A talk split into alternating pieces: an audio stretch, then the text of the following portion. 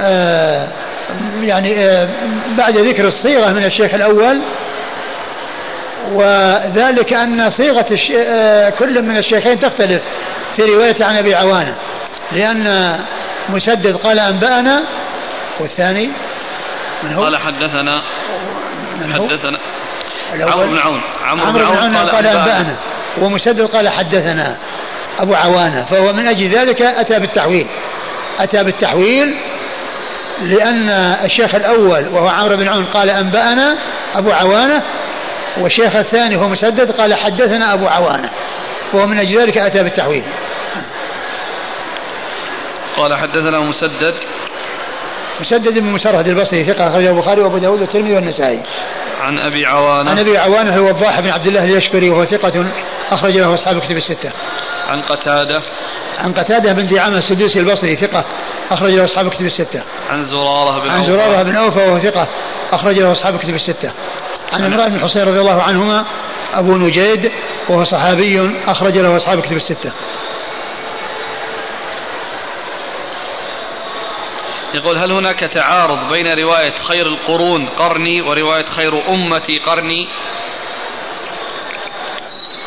ما في تعارض. ما في تعارض. لكن كلمة القرون ما نعرف ما نعرف لفظ بخير القرون.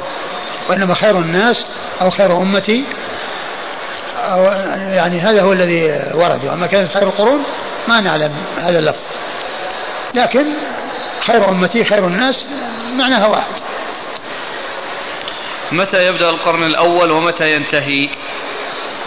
القرن الأول يبدأ يعني ب ببعثة الرسول صلى الله عليه وسلم ووجود الإيمان به وحصول الإيمان به فإنها عند ذلك بدأت الصحبة. وتنتهي بوفاة آخر واحد من الصحابة. ينتهي بوفاة آخر واحد من الصحابة. ينتهي ذلك القرن. يعني مناه الذين رأوا النبي صلى الله عليه وسلم يعني بموت آخر واحد منهم انتهى قرن الذين رأوه.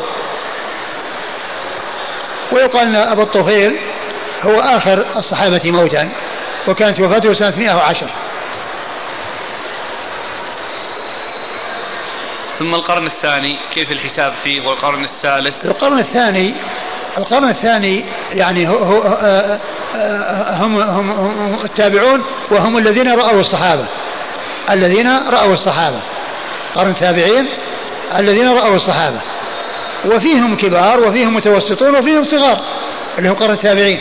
ولهذا يقال من كبار التابعين من صغار التابعين من أوساط التابعين من صغار التابعين. وقد جاء ذكر أو الأمثلة أو المثال آه، لهذه الأصناف من التابعين في أول حديث في صحيح البخاري وحديث إنما الأعمال بالنيات فإنه رواه آه، آه، عمر بن الخطاب عنه ورواه عن عمر علقمة بن وقاص الليثي وهو من كبار التابعين.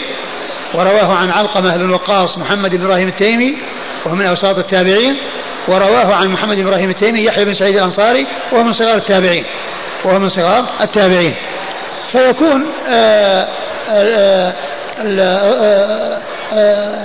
التابعون كما هو معلوم فيه كبارهم وفيهم المخضرمون الذين كانوا في زمن النبي صلى الله عليه وسلم ولكنهم ما رأوا النبي صلى الله عليه وسلم ولكنهم رأوا كبار كبار الصحابة ورووا عن كبار الصحابة مثل قيس بن أبي حازم الذي قيل أنه اتفق له أن يروي عن العشرة المبشرين بالجنة. وكذلك غيره ممن هم موصفون بأنهم موصوفون بأنهم مخضرمون هؤلاء كبار التابعين لأنهم كانوا في زمن النبي صلى الله عليه وسلم ولكنهم ما رأوا النبي صلى الله عليه وسلم. ما رأوا النبي صلى الله عليه وسلم وإنما رأوا كبار أصحابه رضي الله تعالى عنهم وأرضاهم. وينتهي بوفاة آخر واحد رأى واحدة من الصحابة. وكذلك أتباع التابعين الذين رأوا التابعين.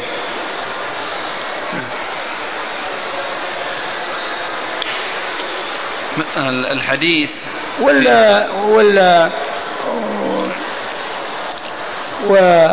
والأحاديث الثلاثية يعني آه، في صحيح البخاري يعني فيها بيان الكبار من هؤلاء وهؤلاء. يعني لأن الثلاثية بين البخاري وبين مسلم ثلاثة أشخاص. بين بين البخاري بين البخاري وبين الله ثلاثة أشخاص. صحابي وتابعي وتابع تابع. لأنه لأنه روى عن أتباع التابعين. أتباع التابعين مثل محمد بن عبد الله الأنصاري ومكي بن إبراهيم و آه، وأبو عاصم النبيل. يعني هؤلاء هم الذين روى عنهم الثلاثيات. والبخاري بينه وبين رسول الله صلى الله عليه وسلم في الثلاثيات ثلاثة أشخاص في, الثلاثيات ثلاثة أشخاص. يعني في الأسانيد العالية. تابعي صحابي وتابعي وتابع تابعي. لأن شيوخ فيها من أتباع التابعين. والبخاري توفي سنة 256 256 وأولئك الذين هم من كبار شيوخه ماتوا بعد ال 200 يعني في حدود 20 أو حول 20 220 يقول بالنسبة لعدالة الصحابة لا يحتاج إلى البحث. لكن هل يقال هذا أيضا في ضبطهم؟ فلا يبحث عن ضبطهم. إيش إيش؟ عدالة الصحابة لا يبحث عنها فهم عدول. لكن الضبط لا ولا يبحث حتى عن الضبط أن هذا ضابط أو غير ضابط. وأن هذا يعني يتوقف في خبره. لا كلهم كل أخبارهم كل ما جاء عنهم فإنه آه فإنه مقبول ومعول عليه. ألا يخرق الإجماع الذي ذكرتموه في أن الحديث إذا كان عن رجل من أصحاب رسول الله صلى الله عليه وسلم قدح ابن القطان الفاسي رحمه الله في كتابه بيان الوهم والإيهام في عدد من الأحاديث بجهالة الصحابي فهذا يخرق الإجماع. أقول هذا ما له قيمة. أقول ما له قيمة لأن كتب الحديث يعني فيها هذا الشيء في صحيح البخاري وفي غيره. وفي تحفة الأشراف في تحفة الأشراف يعني آآ آه، آآ آه، الأشخاص الذين ما سموا وقد جاءت الأحاديث عنهم في الكتب الستة وفيها الصحيحان فالجهالة غير مؤثرة وغير معتبرة ولم يخالف في عدالة الصحابة. إلا أهل البدع هم الذين آه، خالفوا فيها. كما قال الحافظ بن حجر ولم يخالف في ذلك إلا شذوذ من المبتدعة. وقال السيوطي في كتاب تدريب الراوي ولم يخالف وقال المعتزلة هم عدول لا من قاتل عليا هم عدول لا من قاتل علي عليا. وبه يتبين يعني الشذوذ من المبتدعة. نعم. قال رحمه الله تعالى باب في النهي عن سب أصحاب رسول الله صلى الله عليه وعلى آله وسلم. قال حدثنا مسدد قال حدثنا أبو معاوية قال عن الأعمش عن أبي صالح عن أبي سعيد رضي الله عنه أنه قال قال رسول الله صلى الله عليه وعلى آله وسلم لا تسبوا أصحابي فوالذي نفسي بيده. لو أنفق أحدكم مثل أحد ذهبا ما بلغ مد أحدهم ولا نصيفه. ثم ورد أبو داود هذا الترجمة باب النهي عن سب أصحاب رسول الله صلى الله عليه وسلم. بعد أن ذكر فضلهم ذكر النهي عن سبهم. وهو دال على فضلهم أيضا. لأن كونهم ينهى عن سبهم يعني دال على فضلهم. النهي عن سبهم دال على فضلهم. و وقد جاء في حديث أبي سعيد الذي أورده المصنف وهو في الصحيحين قوله صلى الله عليه وسلم لا تسبوا أصحابي فوالذي نفسي بيده لو أنفق أحدكم مثل أحد ذهبا ما بلغ مد أحدهم ونصيف وهذا يدل على فضلهم نفس آخر الحديث الذي فيه التعليل لو أن أحدكم لا تسبوا أصحابي فإنه لو أن أحدكم فعل كذا وكذا هذا دال على على فضلهم وأن القليل منهم لا يساويه الكثير من غيرهم. لا يساويه الكثير من غيرهم. لا تسبوا أصحابي. وأصحاب رسول الله صلى الله عليه وسلم هم الذين رأوه وأكرمهم الله برؤيته وبسماع آه، كلامه عليه الصلاة والسلام. ثم قال فوالذي نفسي بيده لو أنفق أحدكم مثل أحد ذهبا ما بلغ مد أحدهم ونصيف جبل أحد. لو كان إنسان عنده كوم من الذهب مثل جبل أحد وأنفقه في سبيل الله والواحد من الصحابة أنفق مد وهو ربع الصاع لأن الصاع أربعة أمداد. يعني ولا نصيفه يعني نصف المد. ولا نصيفه أي نصف المد. فهذا يدل على يعني آه، فضلهم رضي الله تعالى عنهم وأرضاهم. والحديث جاء في بعض آه، طرقه أن أنه حصل آه، خلاف بين عبد الرحمن بن عوف وبين خالد بن الوليد وأن خالدا سب عبد الرحمن فقال عند ذلك رسول الله صلى الله عليه وسلم لا تسبوا أصحابي وهو الذي نفسي بيده لو أنفق أحدكم مثل أحد ذهبا ما بلغ مد أحدهم ولا نصيره وهذا يعني يدل على فضل السابقين وعلى تميزهم على المتأخرين لكن الكل اشترك في فضل الصحبة وهم متفاوتون فيها. وليسوا على حد سواء. فالسابقون الأولون آه، أفضل من غيرهم والذين آه، أسلموا أول من أسلم وهم أفضل من غيرهم والذين ورد فيهم نصوص تدل على فضلهم هم أفضل من غيرهم وهكذا. فالرسول صلى الله عليه وسلم قال لا تسبوا أصحابي. وإذا كان هذا الكلام قيل في خالد بن الوليد لما سب أحدا من السابقين الأولين أو واحد من السابقين الأولين فإن غير الصحابة ممن جاء بعدهم ممن لم يظفر بشرف الصحبة هو من باب أولى. إذا كان هذا حصل للصحابة المتأخرين وأن الفرق شاسع والبون شاسع بينهم وبين السابقين فإن الذين يجيئون بعد الصحابة ولم يظفروا بشرف الصحبة ولم يظفروا بشرف آه، آه، النظر إليه صلى الله عليه وسلم وسماع حديثه من فم الشريف صلى الله عليه وسلم هم من باب أولى أن يكونوا كذلك. يعني أن أن العمل الكثير منهم لا يساوي القليل من عمل أصحاب رسول الله صلوات الله وسلامه وبركاته عليه ورضي الله تعالى عنهم وأرضاهم. وسب أصحاب رسول الله صلى الله عليه وسلم يعني من أكبر من الكبائر. قد ذكر الذهبي رحمه الله في كتابه الكبائر كبيرة سب الصحابة وختم بها ذلك الكتاب المكون من سبعين كبيرة آخرها كبيرة سب الصحابة. ولا شك أن سبهم فيه مخالفة لنهي الرسول عليه الصلاة والسلام في ذلك وأيضا آه، نيل من خير هذه الأمة وتعرض لخير هذه الأمة الذين التي هي خير الأمم وأفضل هذه الأمة الذين هم أصحاب رسول الله. صلوات الله وسلامه وبركاته عليه ورضي الله تعالى عنهم وأرضاهم. ولهذا جاءت النصوص أو النقول الكثيرة عن أهل العلم في التحذير من سبهم ومن ذكرهم بسوء وقد ذكر أبو المظفر السمعاني وكما نقله عن الحافظ بن حجر في فتح الباري قال إن القدح في أحد من الصحابة علامة على خذلان فاعله وهو بدعة وضلالة. وهو بدعة وضلالة. ولما ذكر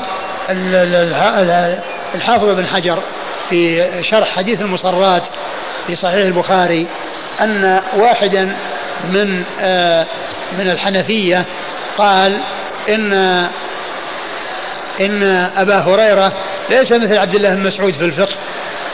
ليس وهو الذي روى حديث المصرات. أنه ليس مثل عبد الله بن مسعود في الفقه يعني معناه قدح في فقهه وبكونه فقيها. قال عند ذلك الحافظ بن حجر وقائل هذا الكلام إنما آذى نفسه. وقائل هذا الكلام إنما آذى نفسه ومجرد تصور فساده يغني عن الاشتغال في الرد عليه. يغني عن تكلف الرد عليه. مجرد تصور يعني سوء الكلام وأنه آه، سيء يغني عن تكلف الرد عليه ثم نقل كلام ابن المظفر السمعاني هذا الذي قال إن القدح إن إن القدح في آه، أحد من الصحابة علامة على خذلان فاعله وهو بدعة وضلالة. و ومن ومن أشد وأوضح ما جاء في ذلك ما نقله الخطيب البغدادي بإسناده إلى أبي زرعة الرازي وذلك في كتابه الكفاية قال إذا رأيتم من ينتقص أحدا من أصحاب رسول الله صلى الله عليه وسلم فاعلموا أنه زنديق وذلك أن الكتاب حق والرسول صلى الله عليه وسلم حق وإنما أدى إلينا الكتاب والسنة أصحاب رسول الله صلى الله عليه وسلم وهؤلاء أي الذين يقدحون فيهم يريدون أن يجرحوا شهودنا ليبطلوا الكتاب والسنة والجرح بهم أولى وهم زنادقة. لأن القدح في الناقل قدح في المنقول.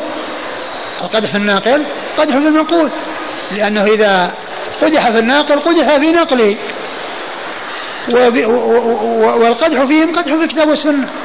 لأن المنقول هو الكتاب والسنة والناقلون هم أصحاب رسول الله صلوات الله وسلامه عليه ورضي الله تعالى عن الصحابة. ثم ال ال الكلام الذي ذكره سعيد آه، آه، بن زيد رضي الله عنه الذي مر قال لمشهد رجل منهم مع رسول الله صلى الله عليه وسلم يغبر به وجهه خير من عمل أحدكم ولو عمر عمر نوح. عمر نوح نوح لبث في قومه ألف سنة إلا خمسين عاما كما جاء ذلك في آية العنكبوت. لبث فيهم ألف سنة إلا خمسين عاما مدة طويلة عمر طويل. كل هذا يبين آه، فضل الصحابة وخطورة سبهم والنيل منهم. ثم إن سب أحد المسلمين والنيل من أحد المسلمين آه، يعني يعتبر من الغيبة المحرمة وأصحاب رسول الله صلى الله عليه وسلم آه، النيل منهم يكون أعظم وأشد لأنه نيل من حملة الرسالة والذين هم الواسطة بين الناس وبين رسول الله صلى الله عليه وسلم ما عرف الناس حقا ولا هدى إلا عن طريق الصحابة. ولهذا فإن آه، من فضائل أصحاب رسول الله عليه الصلاة والسلام ومن مناقبهم وكثرة ثوابهم وأجرهم أن الواحد منهم إذا روى سنة عن رسول الله صلى الله عليه وسلم وتلقاها الناس من بعده وعملوا بها إلى يوم القيامة فإن الله تعالى يثيب ذلك الصحابي مثل كل الذين عملوا بهذه السنة. لأن النبي عليه الصلاة والسلام قال من دعا إلى هدى كان له من الأجر مثل أجر من تبعه لا ينقص ذلك من أجورهم شيئا. ومن دعا إلى ضلالة كان عليه من الإثم مثل أثام من تبعه لا ينقص ذلك من آثامهم شيئا.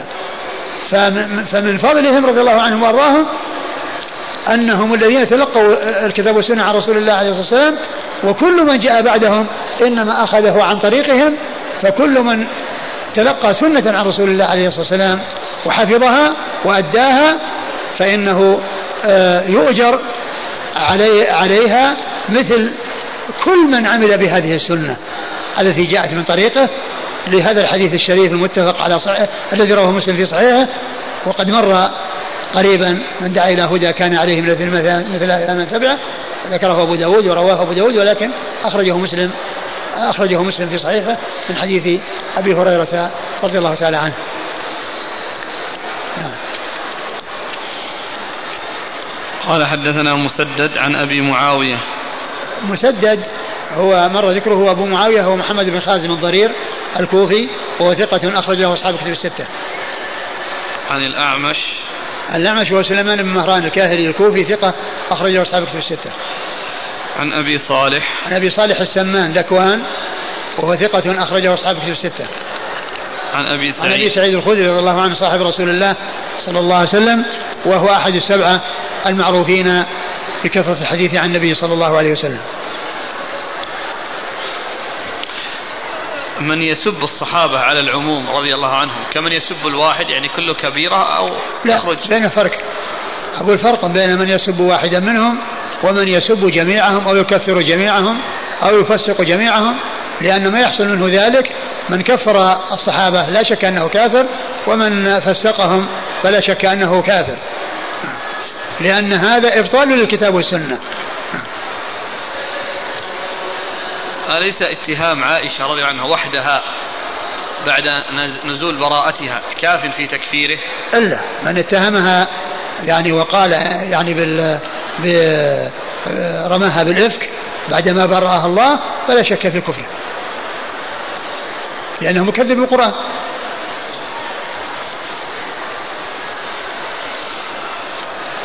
قال حدثنا أحمد بن يونس قال حدثنا زائدة بن قدام الثقفي قال حدثنا عمر بن قيس الماصر عن عمرو بن أبي قرة قال كان حذيفة رضي الله عنه بالمدائن فكان يذكر أشياء قالها رسول الله صلى الله عليه وآله وسلم لأناس من أصحابه في الغضب. فينطلق ناس ممن سمع ذلك من حذيفة رضي الله عنه فيأتون سلمان رضي الله عنه فيذكرون له قول حذيفة فيقول سلمان حذيفة أعلم بما يقول. فيرجعون إلى حذيفة فيقولون له قد ذكرنا قولك لسلمان فما صدقك ولا كذبك. فأتى حذيفة سلمان وهو في مبقلة. وهو في مبقلة فقال يا سلمان ما يمنعك أن تصدقني بما سمعت من رسول الله صلى الله عليه وآله وسلم؟ فقال سلمان إن رسول الله صلى الله عليه وآله وسلم كان يغضب فيقول في الغضب لناس من أصحابه ويرضى فيقول في الرضا لناس من أصحابه. أما تنتهي حتى تورث رجالا حب رجال ورجالا بغض رجال وحتى توقع اختلافا وفرقة.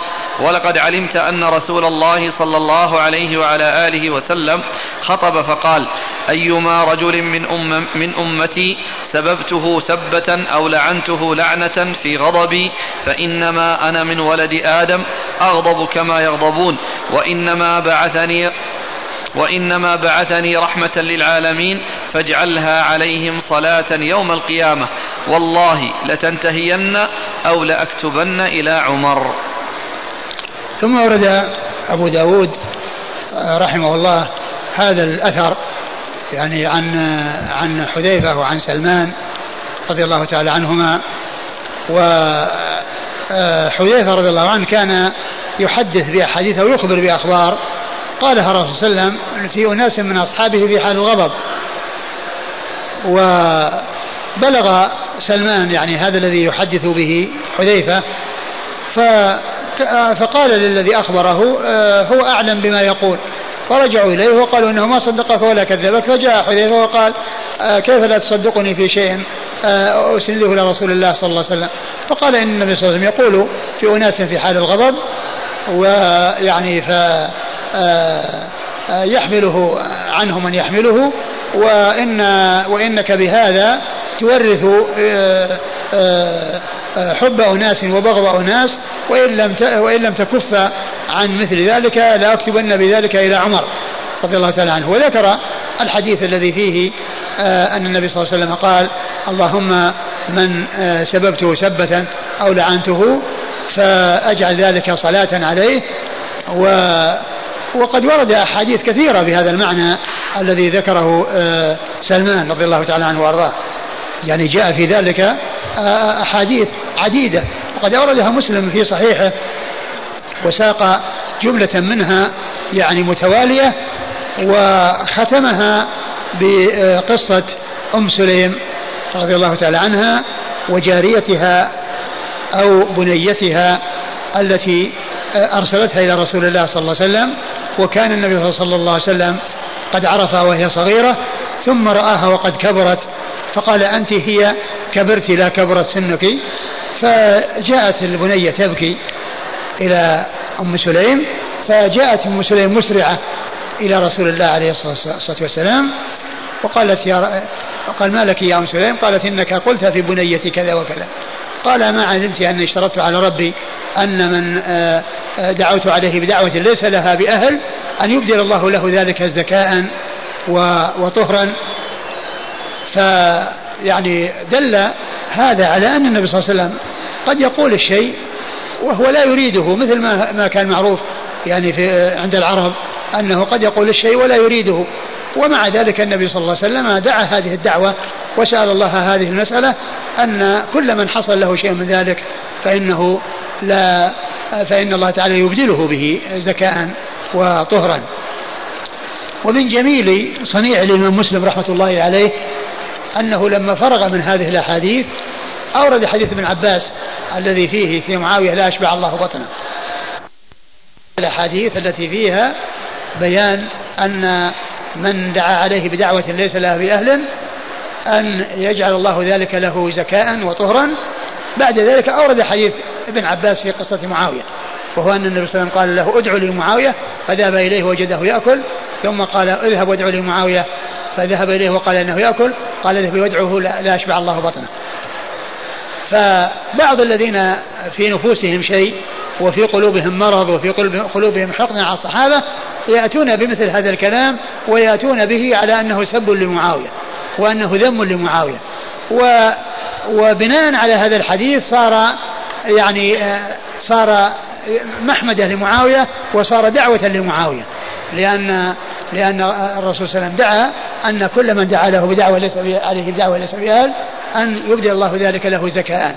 ولهذا الإمام النووي رحمة الله عليه عندما جاء شرح هذا الحديث قال إنه يعني صار يعني منقبة له وصار يعني فيه شيء يعني آه، آه، وأثنى على صنيع الإمام مسلم وحسن ترتيبه ووضعه الأحاديث في مواضعها والإمام مسلم رحمة الله عليه معروف ب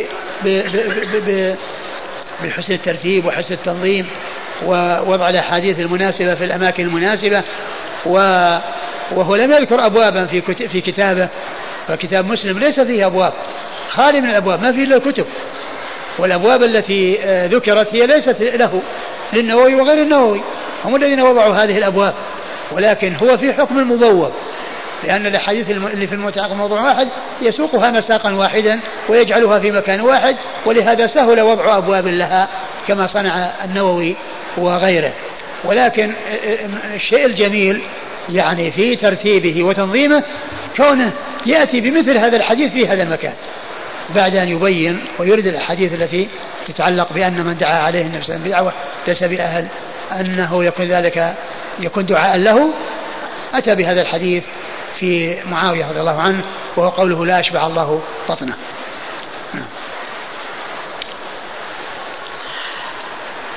عن عمرو بن أبي قره قال كان حذيفة بالمدائن فكان يذكر أشياء قالها رسول الله صلى الله عليه وآله وسلم لأناس من أصحابه في الغضب. فينطلق ناس ممن سمع ذلك من حذيفة فيأتون سلمان فيذكرون له قول حذيفة. فيقول سلمان حذيفة أعلم بما يقول. فيرجعون إلى حذيفة فيقولون له قد ذكرنا قولك لسلمان فما صدقك ولا كذبك؟ فأتى حذيفة سلمان وهو في مبقلة. المبقلة هي مكان بقل يعني مزرعة فيها بقل. البقل يعني الذي هو يعني آه نوع من آه النبات الذي يجعل ولهذا قال بقل والمكان هذا قال موقلة. نعم. فقال يا سلمان ما يمنعك أن تصدقني بما سمعت من رسول الله صلى الله عليه وعلى آله وسلم؟ فقال سلمان إن رسول الله صلى الله عليه وآله وسلم كان يغضب فيقول في الغضب لناس من أصحابه ويرضى فيقول في الرضا لناس من أصحابه أما تنتهي حتى تورث رجالا حب رجال ورجالا بغض رجال وحتى يعني بسبب, يعني بسبب هذا الذي ينقله وبسبب هذا الذي قاله في حق يعني بعضهم. نعم. وحتى توقع اختلافا وفرقة. ولقد علمت أن رسول الله صلى الله عليه وآله وسلم خطب فقال أيما رجل من أمتي سببته سبة أو لعنته لعنة في غضبي فإنما أنا من ولد آدم أغضب كما يغضبون. وإنما بعثني رحمة للعالمين فاجعلها عليهم صلاة يوم القيامة. ولكن جاء في حديث سليم الذي اشرت إليه أنه قيد ذلك قوله بدعوة ليس لها ليس لها بأهل من دعت عليه بدعوة ليس لها بأهل فإن الله تعالى يبدل ذلك يعني زكاء وطهرا وقد يسب أحدا وهو, وهو أهل للسب نعم ثم والله لتنتهين أو لأكتبن إلى عمر. نعم لتنتهين يعني عن هذا هذا الذي أنت تظهره أو لأكتبن إلى عمر بذلك. نعم. في نسخة العون فتحمل عليه برجال فكفر يمينه ولم يكتب إلى عمر وكفر قبل الحنث. قال أبو داود قبل وبعد كله جائز. شلون؟ كيف؟ في زي... في عون المعبود زيادة بين معكوفتين نعم. بعد قوله أو لأكتبن إلى عمر. نعم. فتحمل عليه برجال فكفر يمينه ولم يكتب إلى عمر وكفر قبل الحنث قبل الحنث. قال أبو داود قبل وبعد كله جائز. صحيح يعني كون الإنسان يكفر قبل الحنث وبعد كله جائز. يعني يمكن أنه يحنث قبل أن يكفر ويمكن أن يكفر قبل أن يحنث.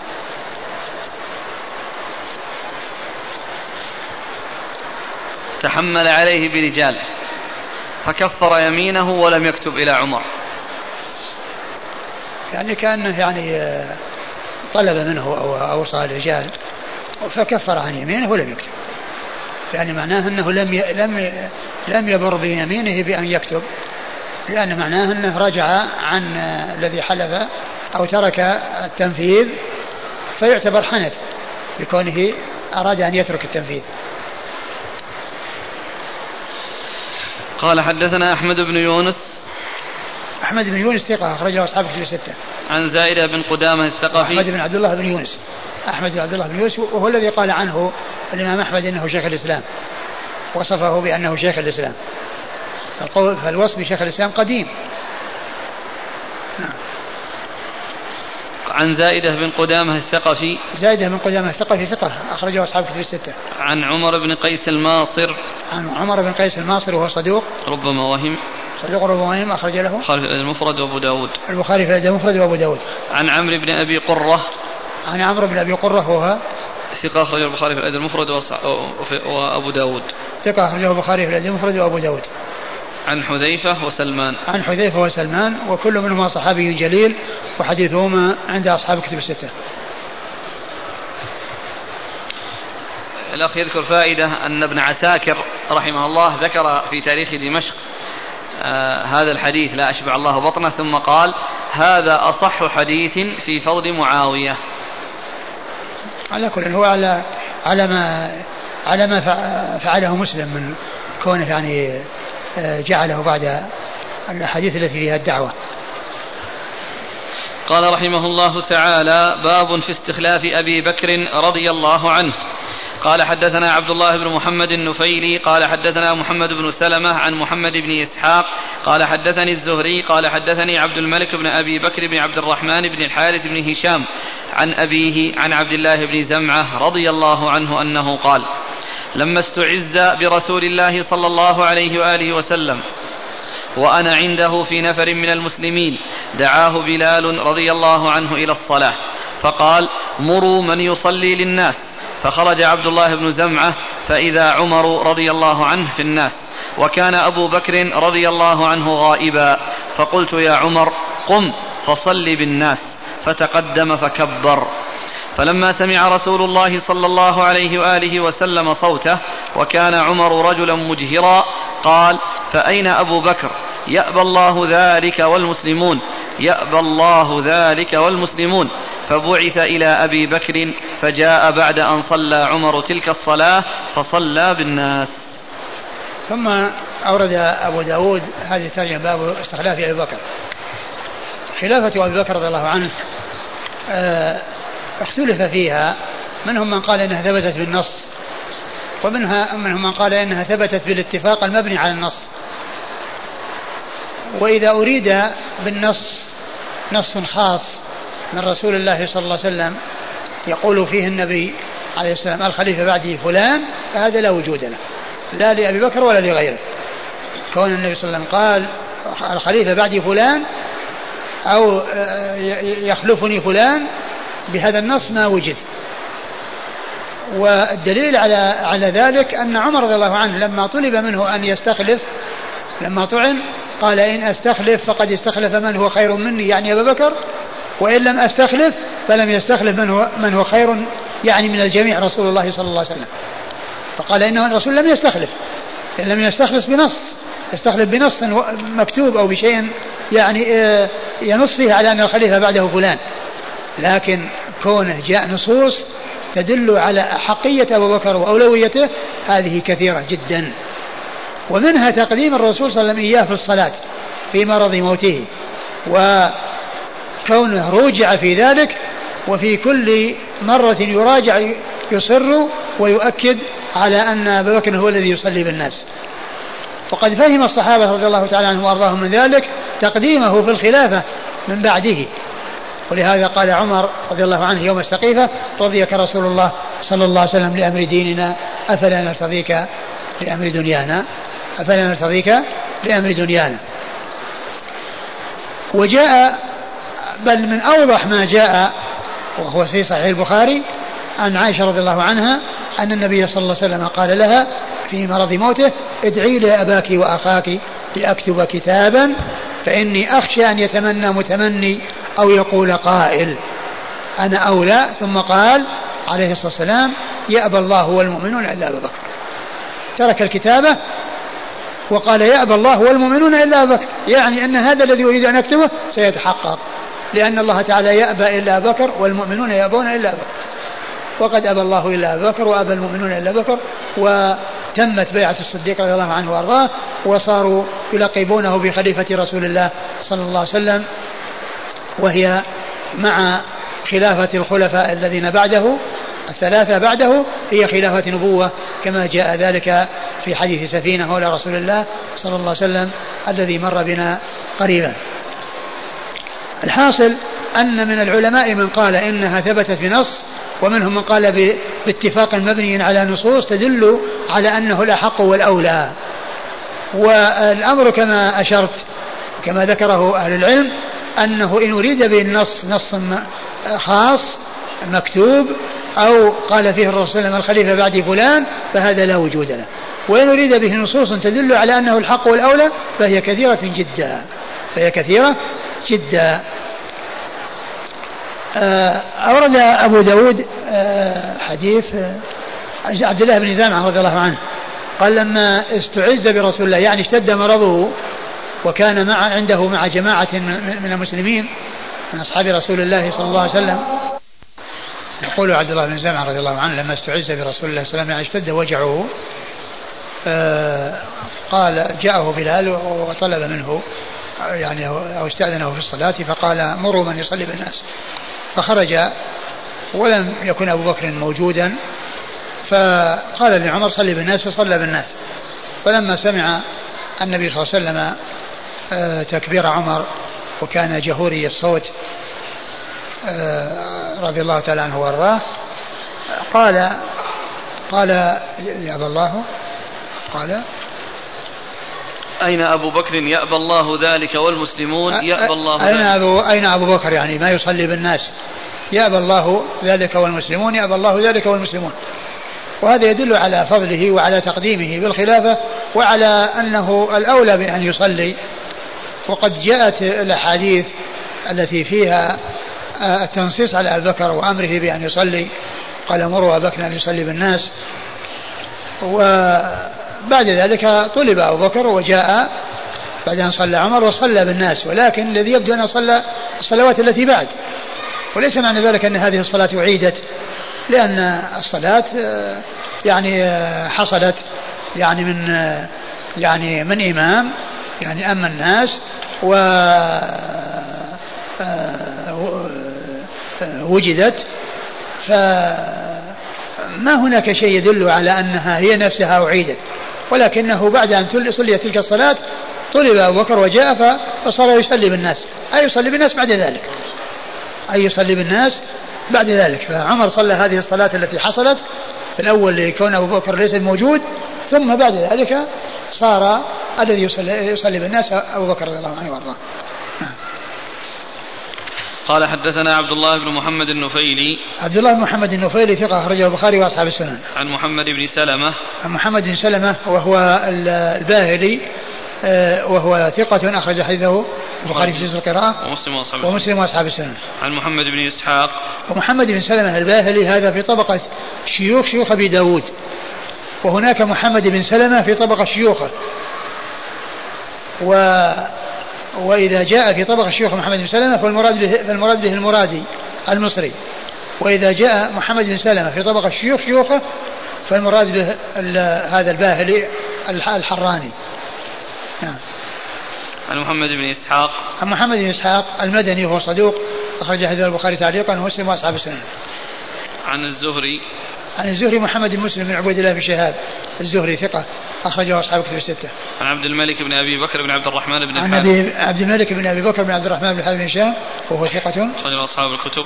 ثقة أخرجه أصحاب الكتب الستة. عن أبيه أبو بكر بن عبد الرحمن بن الحارث بن هشام وهو ثقة فقيه أحد فقهاء المدينة السبعة في عصر التابعين على أحد الأقوال الثلاثة في السابع منهم وحديثه أخرجه أصحاب الكتب الستة والفقهاء السبعة في عصر التابعين في المدينة ستة متفق على عدهم في الفقهاء السبعة والسابع فيه خلاف. قيل أبو بكر بن عبد الرحمن هذا وقيل أبو سلمة بن عبد الرحمن بن عوف وقيل سالم ابن عبد الله بن عمر. والستة المتفق على عدهم هم عبيد الله بن عبد الله بن عتبة بن مسعود وعروة بن الزبير وخارجة بن زيد وسعيد بن المسيب والقاسم بن محمد وسليمان بن يسار. فهؤلاء الستة متفق على عدهم في الفقهاء السبعة. وقد ذكر ابن القيم رحمه الله في كتابه إعلام الموقعين في أوله آه عددا كبيرا من العلماء آه، المفتين في عصر الصحابة وفي عصر التابعين وفي مختلف البلاد. ولما جاء ذكر عند المدينة وذكر من كان فيها من الفقهاء وجاء عند عصر التابعين ذكر الفقهاء السبعة. وذكر السابع منهم أبو بكر بن عبد الرحمن بن الحارث بن هشام هذا. وذكر بيتين من الشعر. الثاني منهما يشتمل على الفقهاء السبعة. وقال إذا قيل من في العلم سبعة أبحر روايتهم ليست عن العلم خارجة فقل هم عبيد الله عروة قاسم سعيد أبو بكر سليمان خارجة. البيت الثاني مشتمل على ذكر السبعة والسابع آه، أبو بكر هذا الذي معنا في الإسناد. وكما ذكرت آه، هناك قولان آخران. أحدهما أن السابع سالم بن عبد الله بن عمر والثالث أن السابع أبو سلمة بن عبد الرحمن بن عوف. نعم. عن عبد الله بن زمعة. عن عبد الله بن زمعة رضي الله عنه هو صحابي أخرج له. أصحاب الكتب. أصحاب الكتب الستة. قال حدثنا أحمد بن صالح قال حدثنا ابن أبي فديك قال حدثني موسى بن يعقوب عن عبد الرحمن بن إسحاق عن ابن شهاب عن عبيد الله بن عبد الله بن عتبة أن عبد الله بن زمعة رضي الله عنه أخبره بهذا الخبر. قال لما سمع النبي صلى الله عليه وآله وسلم صوت عمر قال ابن زمعة خرج النبي صلى الله عليه وآله وسلم حتى أطلع رأسه من حجرته ثم قال لا لا لا ليصلي للناس ابن أبي قحافة. يقول ذلك مغضبا. ثم ورد أبو داود الحديث من طريق أخرى وهو مثل الذي قبله وهو أنه قال لا لا يعني لا يصلي أحد يعني غير أبي بكر وإنما الذي يتواصل الصلاة بالناس ابن أبي قحافة وأبو بكر رضي الله عنه. وهذا آه، فيه إشارة قوية ودلالة واضحة على أنه الأحق بالأمر من بعد رسول الله صلى الله عليه وسلم. قال حدثنا أحمد بن صالح. أحمد بن صالح آه، المصري ثقة أخرجه البخاري وأبو داود والترمذي في الشمائل عن ابن أبي فديك. ابن أبي فديك وهو محمد بن إسماعيل بن مسلم. ابن أبي فديك صدوق أخرجه أصحاب كتب الستة. عن موسى بن يعقوب. عن موسى بن يعقوب وهو صدوق سيء الحفظ أخرج البخاري في الأدب المفرد وأصحاب السنن. صدوق سيء الحفظ أخرجه البخاري في الأدب المفرد وأصحاب السنن. عبد الرحمن بن إسحاق. عن عبد الرحمن بن إسحاق وهو صدوق خرج البخاري في الأدب المفرد ومسلم وأصحاب السنن. صدوق خرج البخاري في الأدب المفرد ومسلم وأصحاب السنن. عن ابن شهاب عن عبيد الله بن عبد الله بن عتبة. آه ابن شهاب مر ذكره وعبيد الله بن عبد الله بن عتبة هو أحد فقهاء المدينة السبعة في عصر التابعين وهو ثقة أخرجه أصحاب كتب الستة. عن عبد الله بن زمعة. عن عبد الله بن زمعة وقد مر ذكره. انتهى الباب. والله تعالى أعلم وصلى الله وسلم وبارك على عبده ورسوله نبينا محمد وعلى آله وأصحابه أجمعين. جزاكم الله خيرا وبارك الله فيكم ونفعنا الله بما قلتم. فائدة في صعود النبي صلى الله عليه وسلم جبل أحد أو حراء. آه مع بعض الصحابة يقول الحافظ في الفتح في الجزء السابع آه أن ذلك وقع على التعدد ثم ذكر رواية في مسلم أنه صلى الله عليه وسلم صعد حراء ومعه جملة من الصحابة أبو بكر وعمر وعثمان وعلي وغيرهم فالقصتان مختلف مختلفتان. ذكر ذلك في فضائل الصحابة في فضل أبي بكر. وأما عن القدرية مجوس هذه الأمة فهو حديث حسن حسنه الألباني في الطحاوية والروض والمشكاة والظلال والصحيحة. الصحيحة في 2748 وقال أن له عدة طرق فتبين أن للحديث أصل وليس بمنكر فضلا عن أن يكون موضوعا.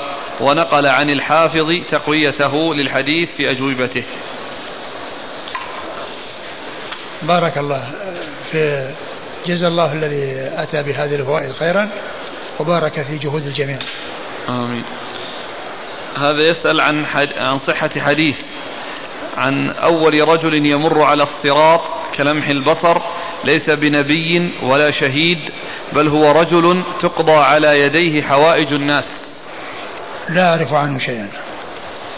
وآخر من سب أصحابي فعليه لعنة الله والملائكة والناس أجمعين. ما أدري شيئا عن درجته. هل تستحضرون أحدا رد حديثه بسبب أنه مخروم المروءة؟ ما ما أذكر. هل يجوز الذبح عند تجدد النعم على المسلم.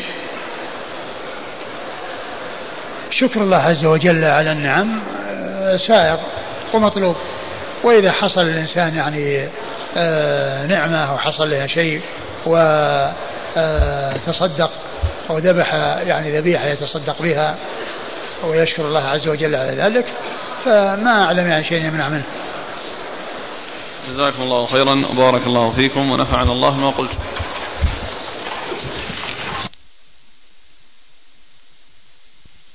بسم الله الرحمن الرحيم. الحمد لله رب العالمين والصلاة والسلام على عبد الله ورسوله نبينا محمد وعلى آله وصحبه أجمعين. أما بعد قال الإمام أبو داود السجستاني يرحمه الله تعالى باب ما يدل على ترك الكلام في الفتنة. قال حدثنا مسدد ومسلم بن إبراهيم. قال حدثنا حماد عن علي بن زيد عن الحسن عن أبي بكرة رضي الله عنه قال حاء وحدثنا محمد بن المثنى عن محمد بن عبد الله الأنصاري قال حدثني الأشعث عن الحسن عن أبي بكرة رضي الله عنه أنه قال قال رسول الله صلى الله عليه وعلى آله وسلم للحسن بن علي رضي الله عنهما إن ابني هذا سيد وإني أرجو أن يصلح الله به بين فئتين من أمتي وقال في حديث حماد ولعل الله أن يصلح به بين فئتين من المسلمين عظيمتين. بسم الله الرحمن الرحيم الحمد لله رب العالمين وصلى الله وسلم وبارك على عبده ورسوله نبينا محمد وعلى آله وأصحابه أجمعين أما بعد. فيقول الإمام أبو داود السجستاني رحمه الله تعالى باب في ترك الكلام في الفتنة. أي أن ما جرى من فتن وأمور حصلت بين الصحابة فإنه يترك الكلام فيها وهذا هو معنى ما جاء عن آه، كثير من العلماء في كتب العقائد لا سيما المختصرة منها الكف عما شجر بين الصحابة. يعني من عقيدة هذا السنة والجماعة الكف عما شجر بينهم. وأن لا يتكلم فيهم إلا بخير وأن تحسن بهم الظنون وأن يحمل ما جرى منهم على أحسن المحامل. وفي ذلك سلامة القلوب وطهارتها ونظافتها من أن يقع فيها شيء لا يليق في حق بعض الصحابة. فالواجب الترحم على الجميع والترضي عنهم واعتقاد أنهم آه، لا يعدمون الأجر أو الأجرين. من اجتهد فأصاب فله أجران ومن اجتهد فأخطأ فله أجر واحد. وقد جاء عن بعض أهل العلم أنه قال أن الفتن التي كانت في أيامهم قد صان الله منها أيدينا فنسأله أن يصون منها ألسنتنا. يعني أن ما كنا في زمانهم حتى يكون لأيدينا مشاركة فبقيت الألسن. فنحن نسأل الله عز وجل أن يصونها وأن يحفظها من أن تتكلم فيهم بما لا ينبغي وبما لا يليق. بل الواجب محبة الجميع وتعظيمهم وتوقيرهم وألا يشتغل بما جرى بينهم. وإذا اشتغل فيه فيكون بالاعتذار ويكون ببيان آه، يعني آه، سلامتهم وأنهم لا يعدمون الأجر والأجرين. وكثير من ما جرى مما نقل عنهم كثير منه فيه زيد فيه ونقص وبعضه كذب وما صح منه فهم دائرون فيه بين الأجر والأجرين إما مجتهدون مصيبون ولهم أجران وإما مجتهدون مخطئون ولهم أجر واحد والخطأ مغفور. هذا هو الواجب في حق أصحاب رسول الله صلى الله عليه وسلم ورضي الله تعالى عنهم وأرضاهم. وقد أورد أبو داود حديث أبي بكرة رضي الله تعالى عنه أن النبي عليه الصلاة والسلام كان على المنبر ومعه ابنه الحسن بن علي رضي الله تعالى عنهما وكان فقال عليه الصلاة والسلام إن ابني هذا سيد وسيصلح الله به بين فئتين من أمتي وفي بعض الروايات بين فئتين عظيمتين من المسلمين فئتين مسلمتين عظيمتين وهذا يدل على آه، آه، أخبار النبي عليه الصلاة والسلام بأمر مستقبل وبأمر مغيب يأتي في المستقبل وهو من دلائل نبوته عليه الصلاة والسلام. و وذلك من الإيمان بالغيب لأن الإيمان بالغيب يكون عن أخبار ماضية وعن أخبار وعن أمور مستقبلة وعن أمور موجودة لكنها غير مشاهدة ولا معاينة. وهذا مما حصل فيه الإخبار عن أمر المستقبل وقريب من زمنه صلى الله عليه وسلم. فإنه أخبر عن النبي أخبر النبي صلى الله عليه وسلم في هذا الحديث أن هذا الرجل الغلام أنه سيصلح الله به بين فئتين من المسلمين. وقد فهم من هذا أن الحسن سيعيش وأنه لن يموت طفلا بل سيبقى حتى يصلح الله, يصلح, الله به بين فئتين عظيمتين من المسلمين. لأن الرسول صلى الله عليه وسلم أخبر عن ذلك وخبره لا يتخلف بل هو صدق وهو لا ينطق عن الهوى صلوات الله وسلامه وبركاته عليه.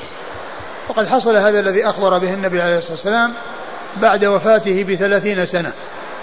بعد وفاة النبي صلى الله عليه وسلم بثلاثين سنة تحقق هذا الذي أخبر به النبي عليه الصلاة والسلام واجتمعت كلمة المسلمين بتنازل الحسن رضي الله عنه وأرضاه وسمي ذلك العام الذي هو عام 41 عام الجماعة لاجتماع كلمة المسلمين وكون وكونه صار لهم خليفة اجتمع عليه الناس وصارت الكلمة واحدة وتحقق ذلك الذي أخبر به الصادق المصدوق صلوات الله وسلامه وبركاته عليه.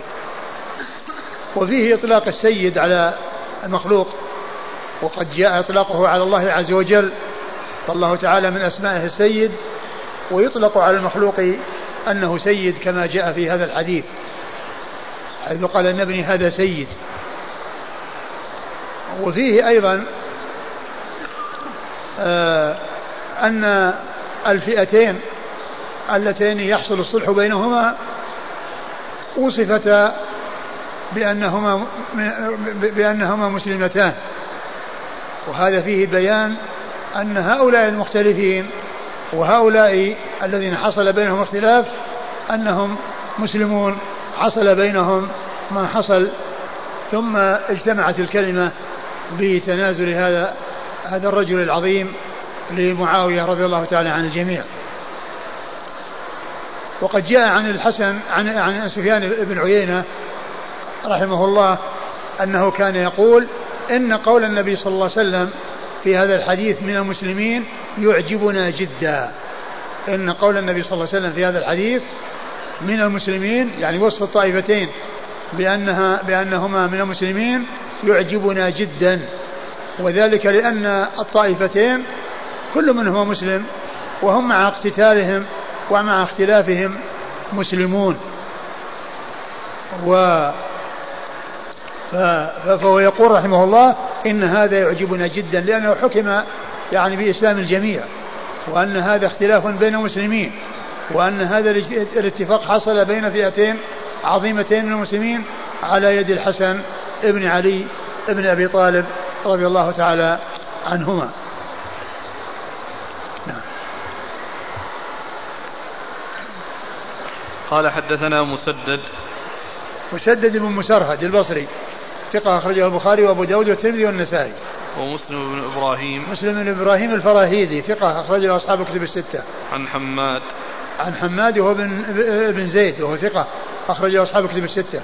عن علي بن زيد. عن علي بن زيد بن جدعان وهو ضعيف أخرج له. البخاري في المفرد ومسلم وأصحاب السنن. البخاري في المفرد ومسلم وأصحاب السنن.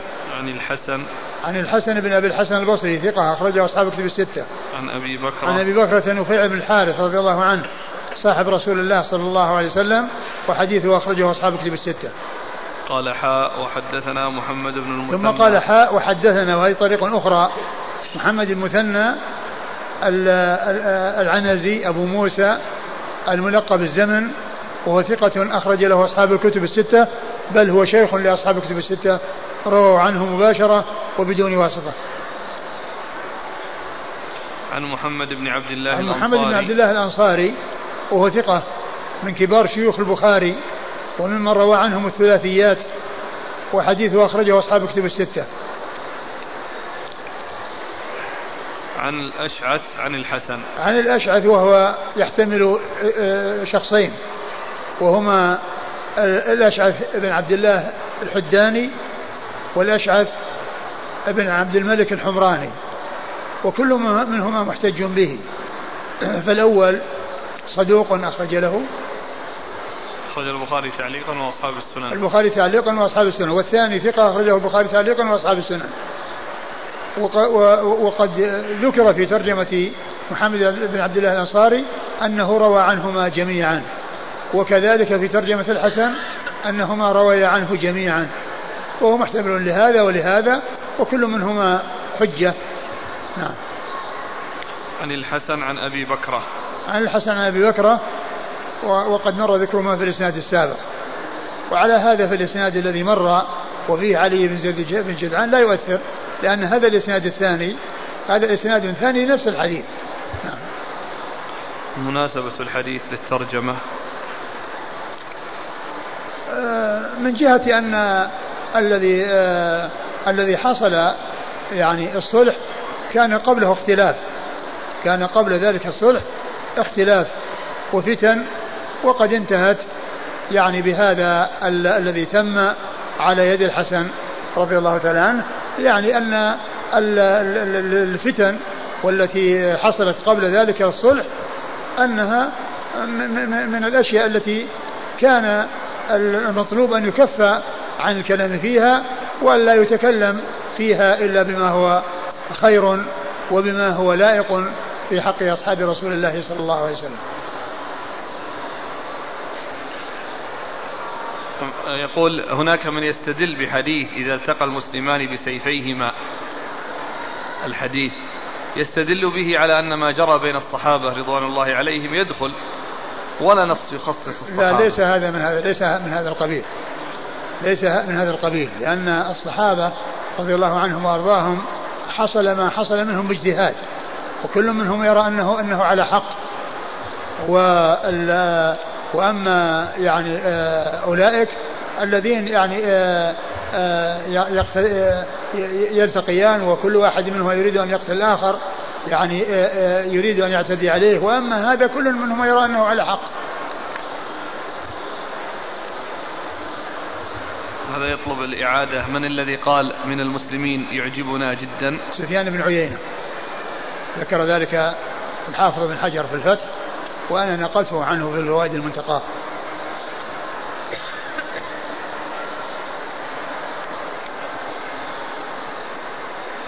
قال حدثنا الحسن بن علي قال حدثنا يزيد قال أخبرنا هشام عن محمد قال قال حذيفة رضي الله عنه ما أحد من الناس تدركه الفتنة إلا أنا أخافها عليه إلا محمد بن مسلمة رضي الله عنه. فإني سمعت رسول الله صلى الله عليه وآله وسلم يقول لا تضرك الفتنة ثم ورد أبو داود حديث حذيفة بن اليمان رضي الله عنه أنه قال ما أحد آه، آه، من من المسلمين أخشى عليه إلا وأخشى عليه الفتنة ما عدا محمد بن مسلمة فإن النبي صلى الله عليه وسلم قال فيه لا تضرك لا تضرك الفتنة. نعم. قال حدثنا الحسن بن علي. الحسن آه، وسيأتي في الدرس الحديث اللي بعد هذا أنه كان اعتزل يعني الفتن وأنه يعني آه، ابتعد عنها ولم يكن له فيها مشاركة ولم يكن له فيها دخول. حدثنا إيش؟ الحسن بن علي. الحسن بن علي الحلواني وهو ثقة أخرجه أصحاب كتب الستة للنسائي. عن يزيد. عن يزيد بن هارون الواسطي. وهو ثقة أخرجه أصحاب كتب الستة. عن هشام. عن هشام بن حسان وهو ثقة أخرجه أصحاب كتب الستة. عن محمد. عن محمد بن سيرين ثقة أخرجه أصحاب كتب الستة. عن حذيفة. عن حذيفة بن اليمان رضي الله تعالى عنه وهو صحابي جليل أخرج له أصحاب كتب الستة.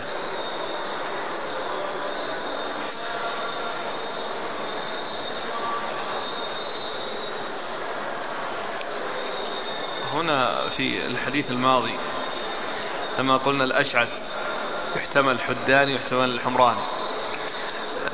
المعلق المحشي يقول أخرجه من حديث أشعث بن عبد الملك عن الحسن الترمذي في رقم 3775 يعني نص عليه؟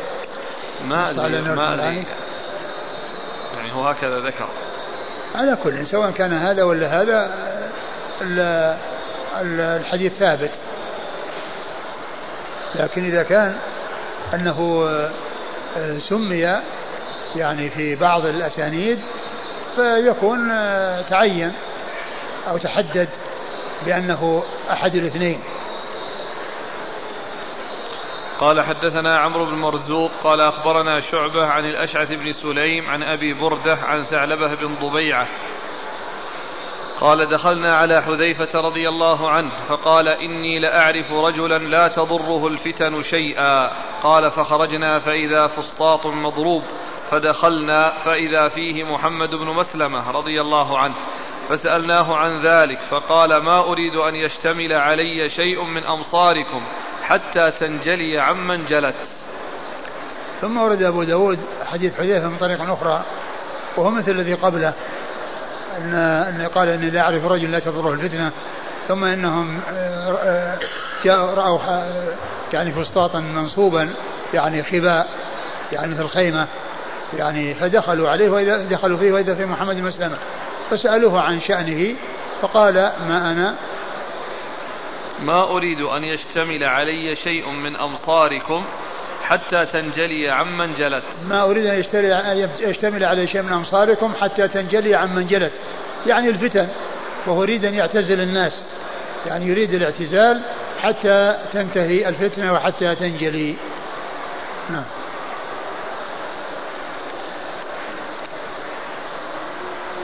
قال حدثنا عمرو بن مرزوق.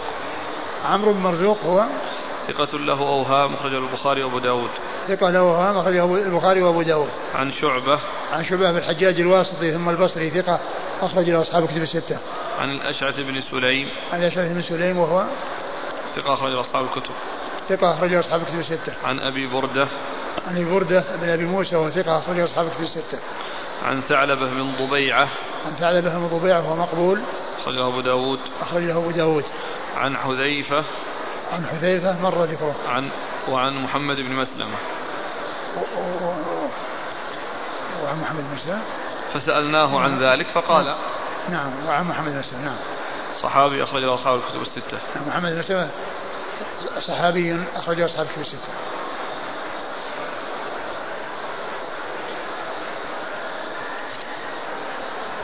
قال حدثنا مسدد قال حدثنا أبو عوانة عن أشعث بن سليم عن أبي بردة عن ضبيعة بن حصين الثعلبي بمعناه وهذا إسناد آخر وهو بمعنى اللفظ المتقدم في الإسناد السابق. قال حدثنا مسدد عن أبي عوانة. أبو عوانة هو الضاحي بن عبد الله اليشكري ثقة أخرج له أصحاب كتب الستة. عن أشعث بن سليم عن أبي بردة عن ضبيعة بن حصين الثعلبي. وضبيعة بن حصين هو الذي مر ثعلبة بن ضبيعة. ثعلبة بن حصين. مر ثعلبة بن ضبيعة. بن ضبيعة نعم. وهنا ضبيعة بن حصين. نعم. هو هو نعم. يقول هل سمع محمد بن سيرين من حذيفة؟ وش الحديث أي حديث هو؟ هذا الأول.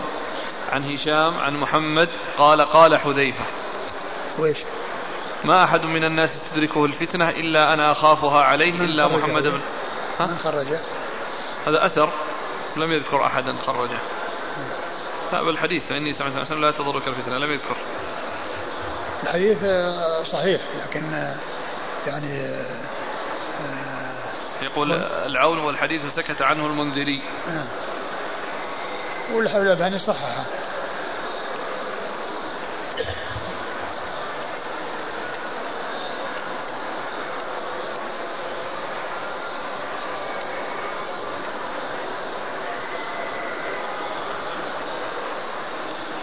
قال حدثنا إسماعيل بن إبراهيم الهذلي قال حدثنا ابن علية عن يونس عن الحسن عن قيس بن عباد قال قلت لعلي رضي الله عنه أخبرنا عن مسيرك هذا أعهد عهده إليك رسول الله صلى الله عليه وآله وسلم أم رأي رأيته؟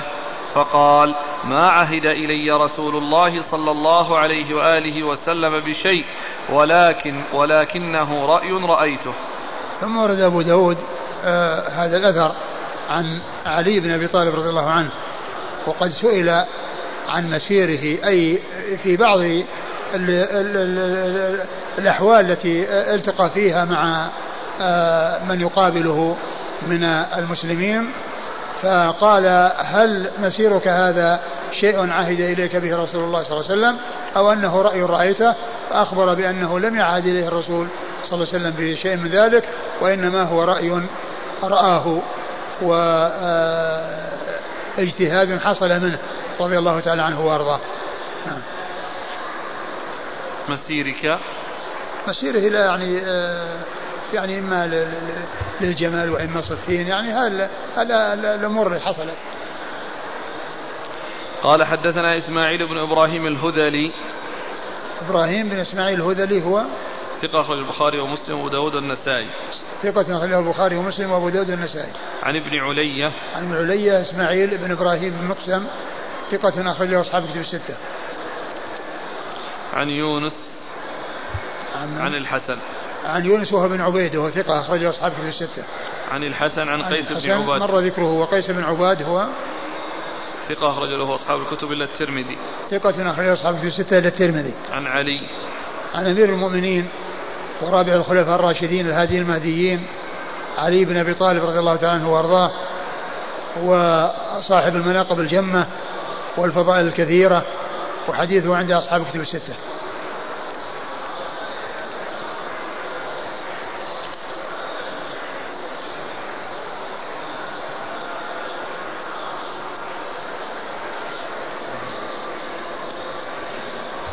قال حدثنا مسلم بن إبراهيم قال حدثنا القاسم بن الفضل عن أبي نضرة عن أبي سعيد رضي الله عنه أنه قال قال رسول الله صلى الله عليه وعلى آله وسلم تمرق مارقة عند فرقة من المسلمين يقتلها أولى الطائفتين بالحق.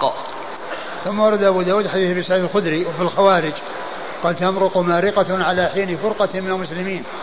على حين فرقة من المسلمين تقتلهم أولى الطائفتين بالحق. والمقصود من ذلك الخوارج الذين خرجوا يعني بعدما حصل التحكيم وانحازوا في مكان يقال له آه، حرورة وحصل منهم ما حصل وقاتلهم علي رضي الله تعالى عنه وأرضاه. وقال النبي صلى الله عليه وسلم في هذا الحديث تقتلهم أولى الطائفتين بالحق. وهذا يدلنا على أن علي رضي الله عنه أنه أولى من غيره. و وقوله على حين فرقة من المسلمين هو مثل الحديث الذي مر في قوله يصلح الله به فئتين عظيمة من المسلمين من المسلمين. فإنه قال عن المختلفين والمفترقين أنهم مسلمون. أنهم مسلمون. فهذا مثل فهذا مثل ذاك. وهو يدل على أن علي رضي الله عنه كان محقا وأنه على حق وأنه أولى بالحق. ومعاوية رضي الله عنه كان مجتهدا. وكل من المجتهدين من أصحاب رسول الله صلى الله عليه وسلم لا يعدمون الأجر أو الأجرين فالمجتهد المصيب له أجران والمجتهد المخطئ له أجر واحد وخطأه مغفور رضي الله تعالى عن الجميع. قال حدثنا مسلم بن إبراهيم. مسلم بن إبراهيم مر ذكره عن القاسم بن الفضل. عن القاسم بن الفضل وهو ثقة أخرج البخاري في الأدب المفرد ومسلم وأصحاب السنن. ثقة أخرجه البخاري في الأدب المفرد ومسلم وأصحاب السنن. عن أبي نضرة. عن أبي نضرة المنذر بن مالك بن قطعة وهو ثقة أخرج له البخاري تعليقا. نعم ومسلم وأصحاب ومسلم وأصحاب السنن. عن أبي سعيد. عن أبي سعيد الخدري رضي الله تعالى عنه صاحب رسول الله صلى الله عليه وسلم وأحد السبعة المعروفين بكثرة الحديث عن النبي صلى الله عليه وسلم وهذا الإسناد رباعي نعم.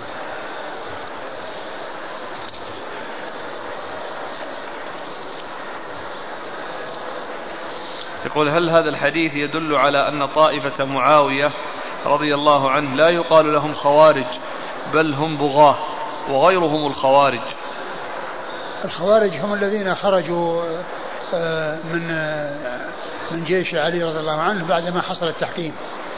ولا يقال أنهم خوارج. وإنما يقال إنهم مجتهدون وأن معاوية رضي الله عنه كان رأى أن يقتص أولا من القتلة الذين قتلوا عثمان رضي الله تعالى عنه وأرضاه ثم يسلم الشام و آه، وعلي رضي الله عنه رأى أنه يتم تسليم الشام أولا ثم ينظر في الأمر وكل وقف عند رأيه وحصل ما حصل وكلهم آه، آآ آه، كما ذكرت لا يعدمون الأجر أو الأجرين. وما القول الصحيح في الخوارج من حيث الكفر وعدمه؟ ذكر المؤلف أو هذا اللي هو آه، آه، في عون المعبود نقل عن الخطابي انه قال أجمع المسلمون على أنهم آه، أجمع العلماء على أنهم من المسلمين. أنهم من المسلمين وأنهم مسلمون. وبعض العلماء كفرهم أو نقل عن تكفيرهم لكن هذا نقل الإجماع.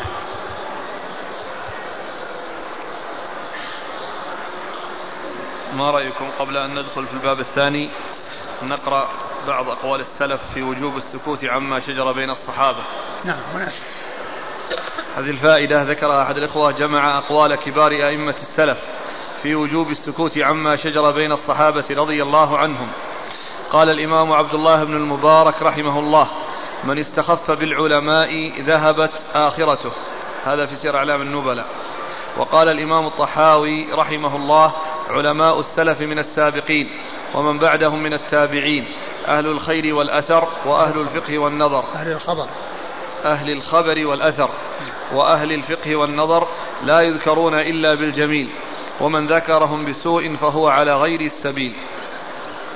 وقال الحافظ ابن عساكر واعلم يا أخي وفقنا الله وإياك لمرضاته وجعلنا ممن يخشاه ويتقيه حق تقاته أن لحوم العلماء مسمومة وعادة الله في هتك أستار منتقصيهم معلومة لأن الوقيعة فيهم بما هم منه براء أو براء أمر عظيم والتناول بأعراضهم بالزور والافتراء مرتع وخيم والاختلاق على من اختار الله منهم. ما في كلمة ما واضحة. قال خلق ذميم. وقال وقد عد أهل العلم الطعن للصحابة زندقة مفضوحة وقرروا أنه لا قالوا لا يبسط لسانه فيهم إلا من ساءت طويته في النبي صلى الله عليه وسلم وصحابته أو وصحابته والإسلام والمسلمين. الإمامة لأبي نعيم الأصبهاني. وقول عمر بن عبد العزيز رحمه الله حين سئل عن القتال الذي حصل بين الصحابة فقال تلك دماء طهر الله يدي منها أفلا أطهر منها لساني؟ مثل أصحاب رسول الله صلى الله عليه وسلم مثل العيون ودواء العيون ترك مسها. في مناقب الشافعي للرازي. وسئل الحسن البصري عما حصل بين الصحابة فقال قتال شهده أصحاب محمد صلى الله عليه وسلم وغبنا وعلموا وجهلنا واجتمعوا فاتبعنا واختلفوا فوقفنا. الجامع لأحكام القرآن للقرطبي. وقال الإمام أحمد رحمه الله تعالى بعد أن قيل له ما تقول فيما كان بين علي ومعاوية؟ قال ما أقول فيهم إلا الحسنى. مناقب الإمام أحمد بن الجوزي. وقال أبو عبد الله بن بطة رحمه الله أثناء عرضه لعقيدة أهل السنة والجماعة ومن بعده ومن بعدهم ذلك قال نكف عما شجر بين أصحاب رسول الله صلى الله عليه وسلم. وقد شهدوا المشاهد معه وسبقوا الناس بالفضل فقد غفر الله لهم وأمرك بالاستغفار لهم. التقرب إليه بمحب والتقرب إليه بمحبتهم. وفرض, وفرض ذلك على لسان نبيه وهو يعلم ما سيكون منهم أنهم سيقتتلون. وإنما فضلوا على سائر الخلق لأن الخطأ العمد قد وضع عنهم. وكل, وكل ما شجر بينهم مغفور لهم. الإبانة. وقال الإمام أبو عبد الله القرطبي رحمه الله لا يجوز أن ينسب إلى أحد من الصحابة خطأ مقطوع به إذ كانوا كلهم اجتهدوا فيما فعلوه. وأرادوا الله عز وجل وهم كلهم لنا أئمة وقد تعب قد تعبدنا, تعبدنا بالكف عما شجر بينهم وألا نذكرهم إلا بأحسن الذكر لحرمة الصحبة. ولنهي النبي صلى الله عليه وسلم عن سبهم وأن الله غفر لهم وأخبرنا بالرضا عنهم. الجامع لإحكام القرآن. وقال شيخ الإسلام ابن تيمية رحمه الله في ذكر عقيدة أهل السنة والجماعة ويمسكون عما شجر بين الصحابة ويقولون إن هذه الآثار المروية في مساوئهم منها ما هو كذب ومنها ما قد زيد فيه ونقص وغير عن وجهه. والصحيح منه هم فيه معذورون إما مجتهدون مصيبون وإما مجتهدون مخطئون. عقيدة الواسطية. ونقل الحافظ ابن حجر عن أبي المظفر السمعاني رحمه الله أنه قال التعرض إلى جانب الصحابة علامة على خذلان فاعله بل هو بدعة وضلالة. فتح الباري. انتهى. هذه آه، فوائد آه، آه، عظيمة تتعلق بأصحاب رسول الله صلى الله عليه وسلم وبعضها يتعلق بأهل العلم. وجزا الله من جمعها وأتى بها خيرا. وهذا هو اللائق في أصحاب الرسول صلى الله عليه وسلم والواجب في حقهم.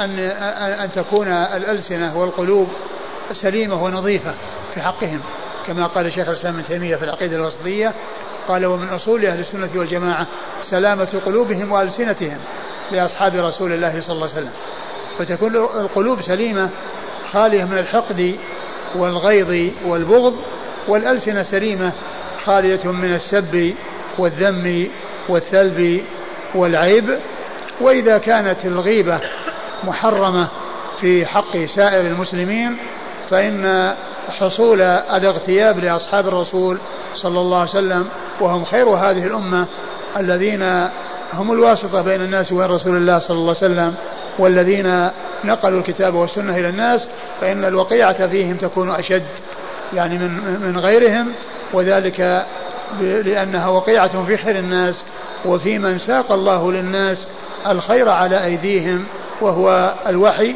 المتلقى الذي تلقوه من رسول الله صلى الله عليه وسلم ثم أدوه إلى من بعدهم.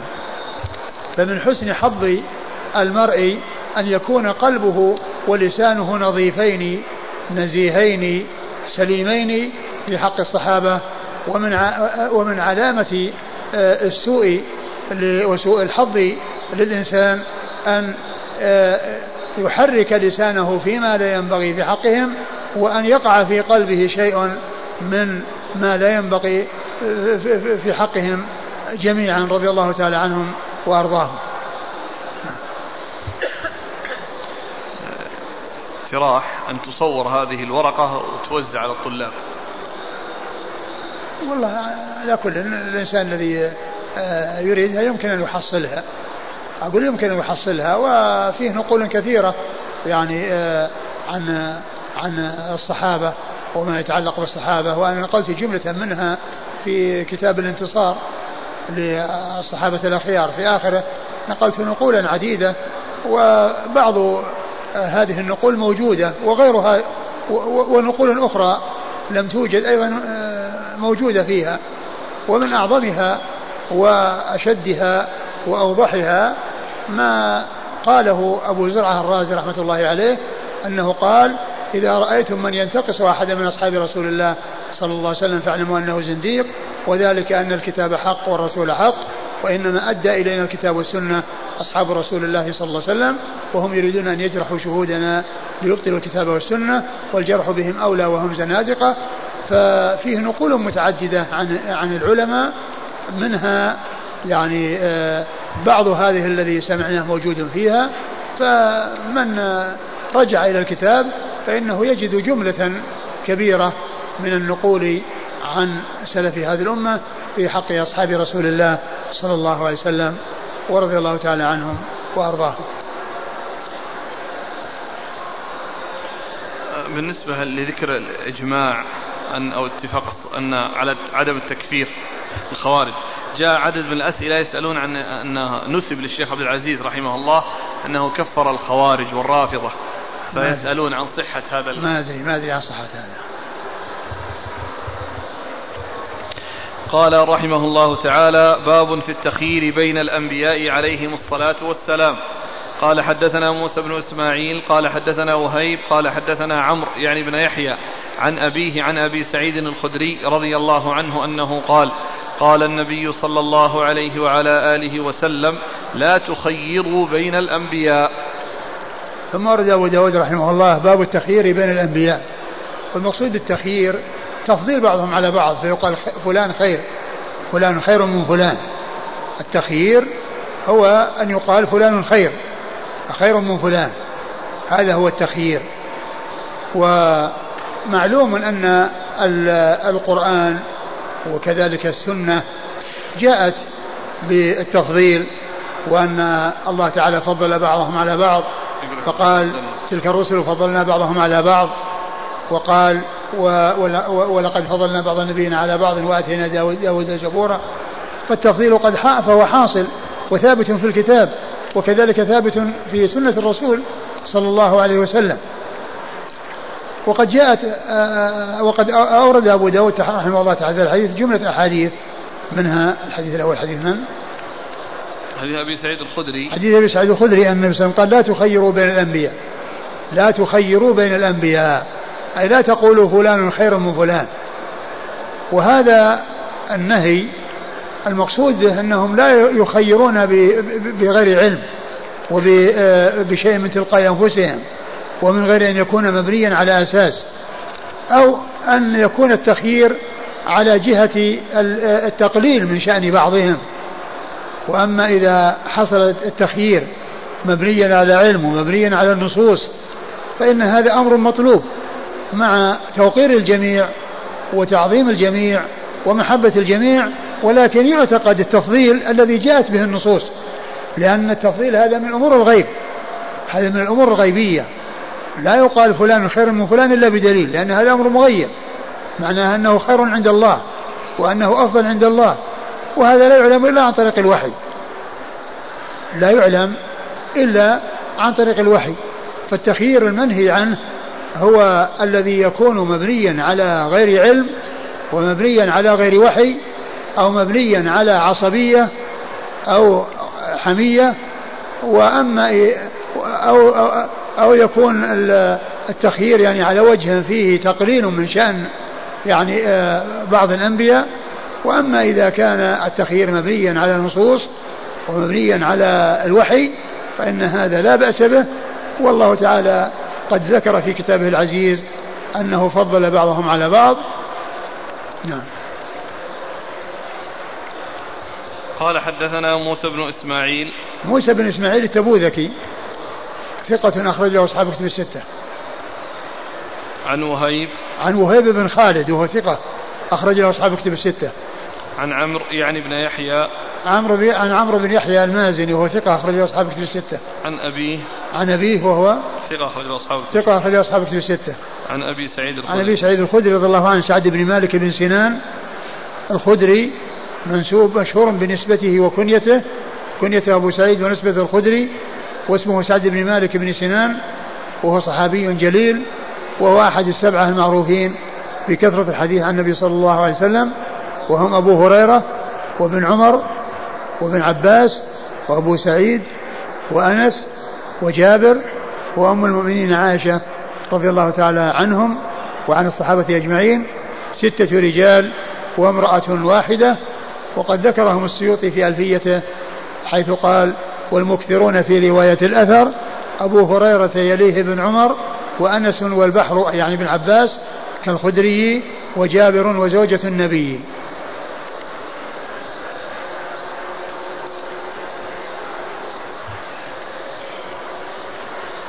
قال حدثنا حفص بن عمر قال حدثنا شعبة عن قتادة عن أبي العالية عن ابن عباس رضي الله عنهما عن النبي صلى الله عليه وآله وسلم أنه قال ما ينبغي لعبد أن يقول إني خير من يونس من يونس بن متى.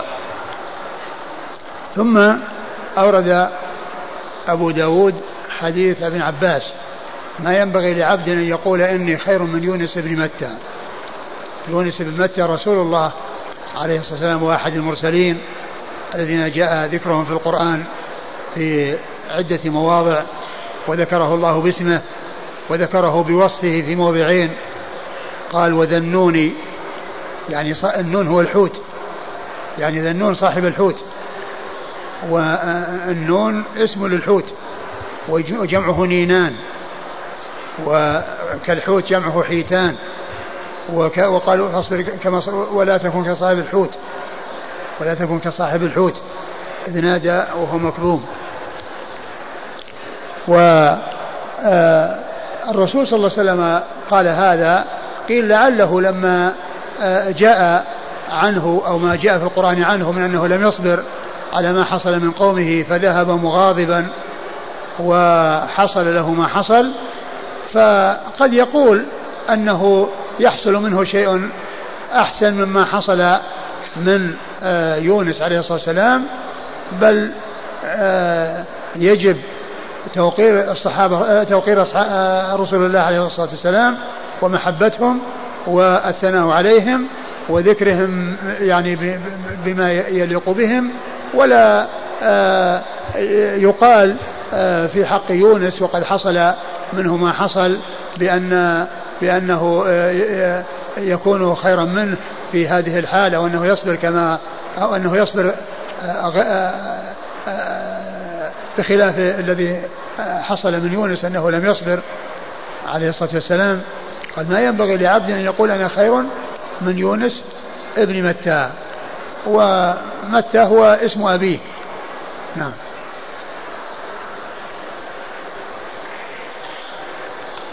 قال حدثنا حفص بن عمر. حفص بن عمر ثقة أخرجه البخاري ومسلم.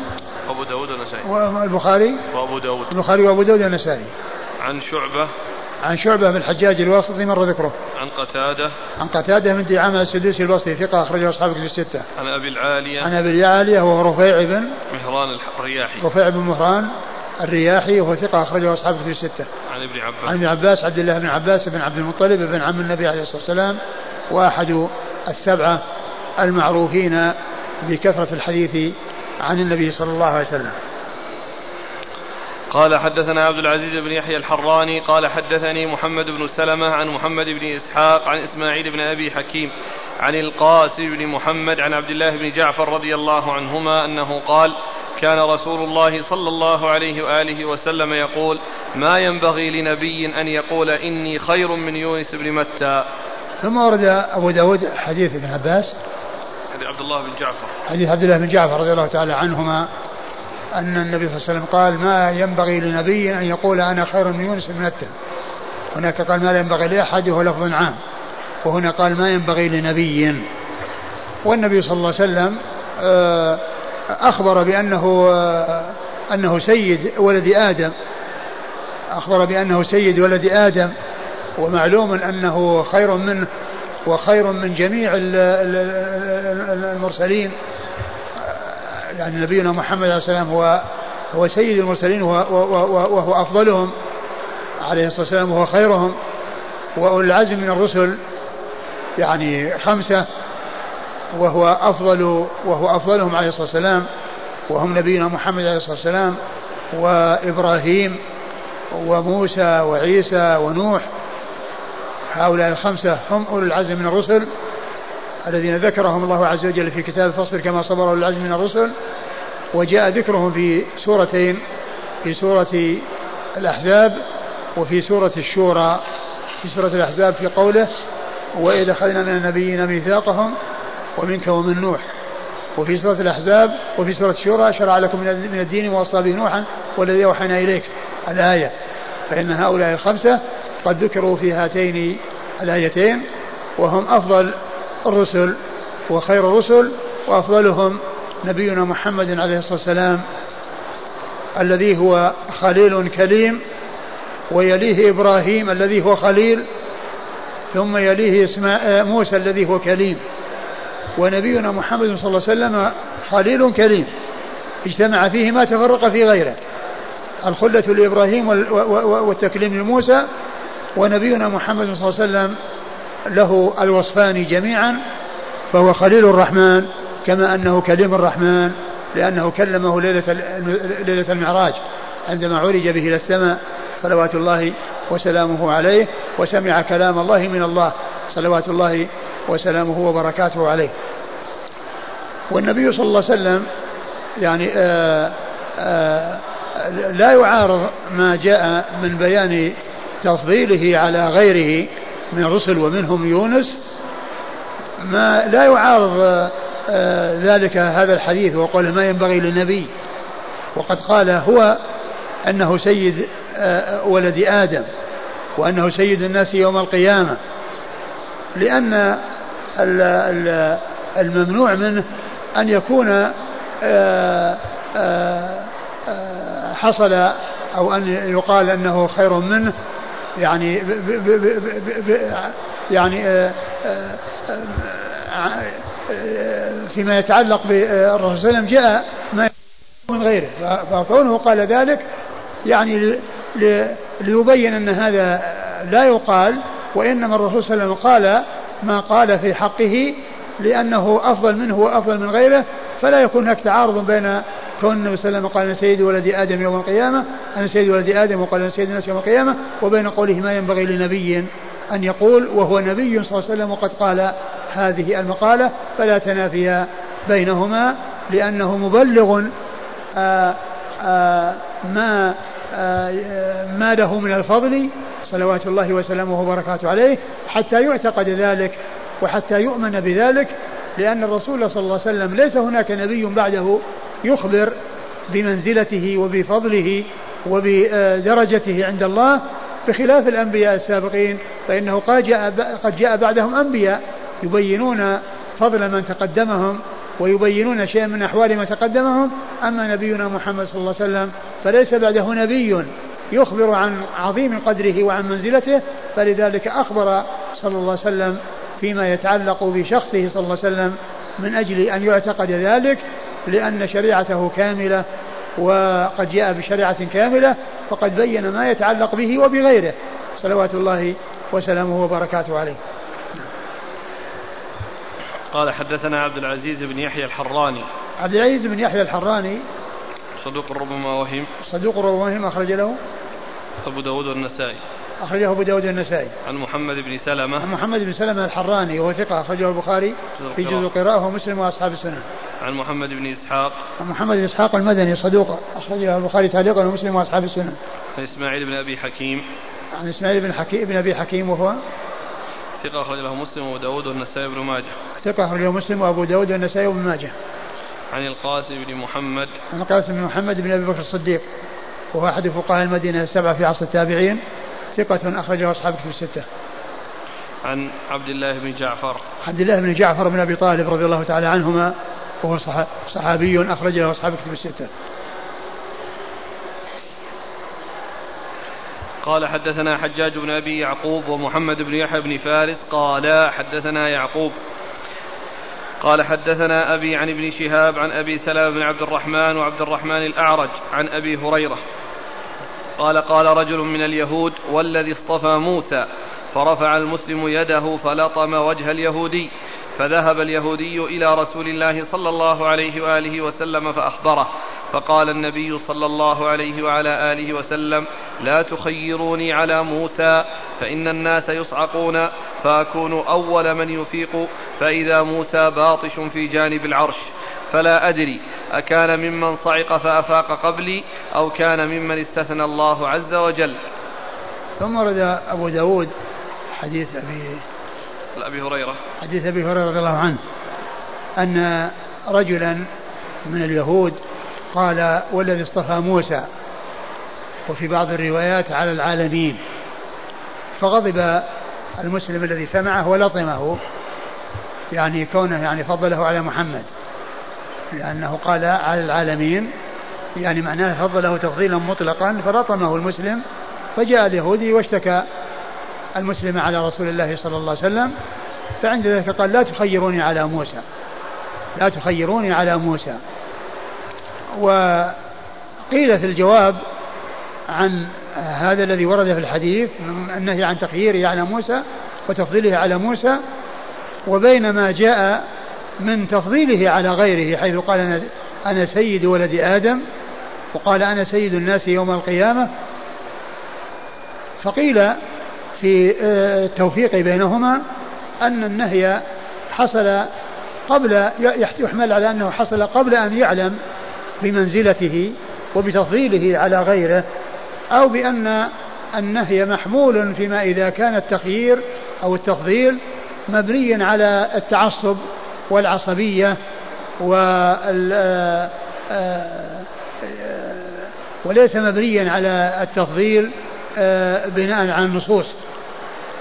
فقيل في التوفيق بين الحديثين يعني هذان الجوابان. وقد بين النبي صلى الله عليه وسلم شيئا حصل لموسى وهو أنه قال إن الناس يصعقون يوم القيامة فأكون أول من يفيق فأجد موسى آخذا بالعرش فلا أدري أفاق قبلي أم كان ممن استثنى الله. وجاء في بعض الأحاديث أنه قال فلا أدري أفاق قبلي أم جوزي بصعقة يوم الطور.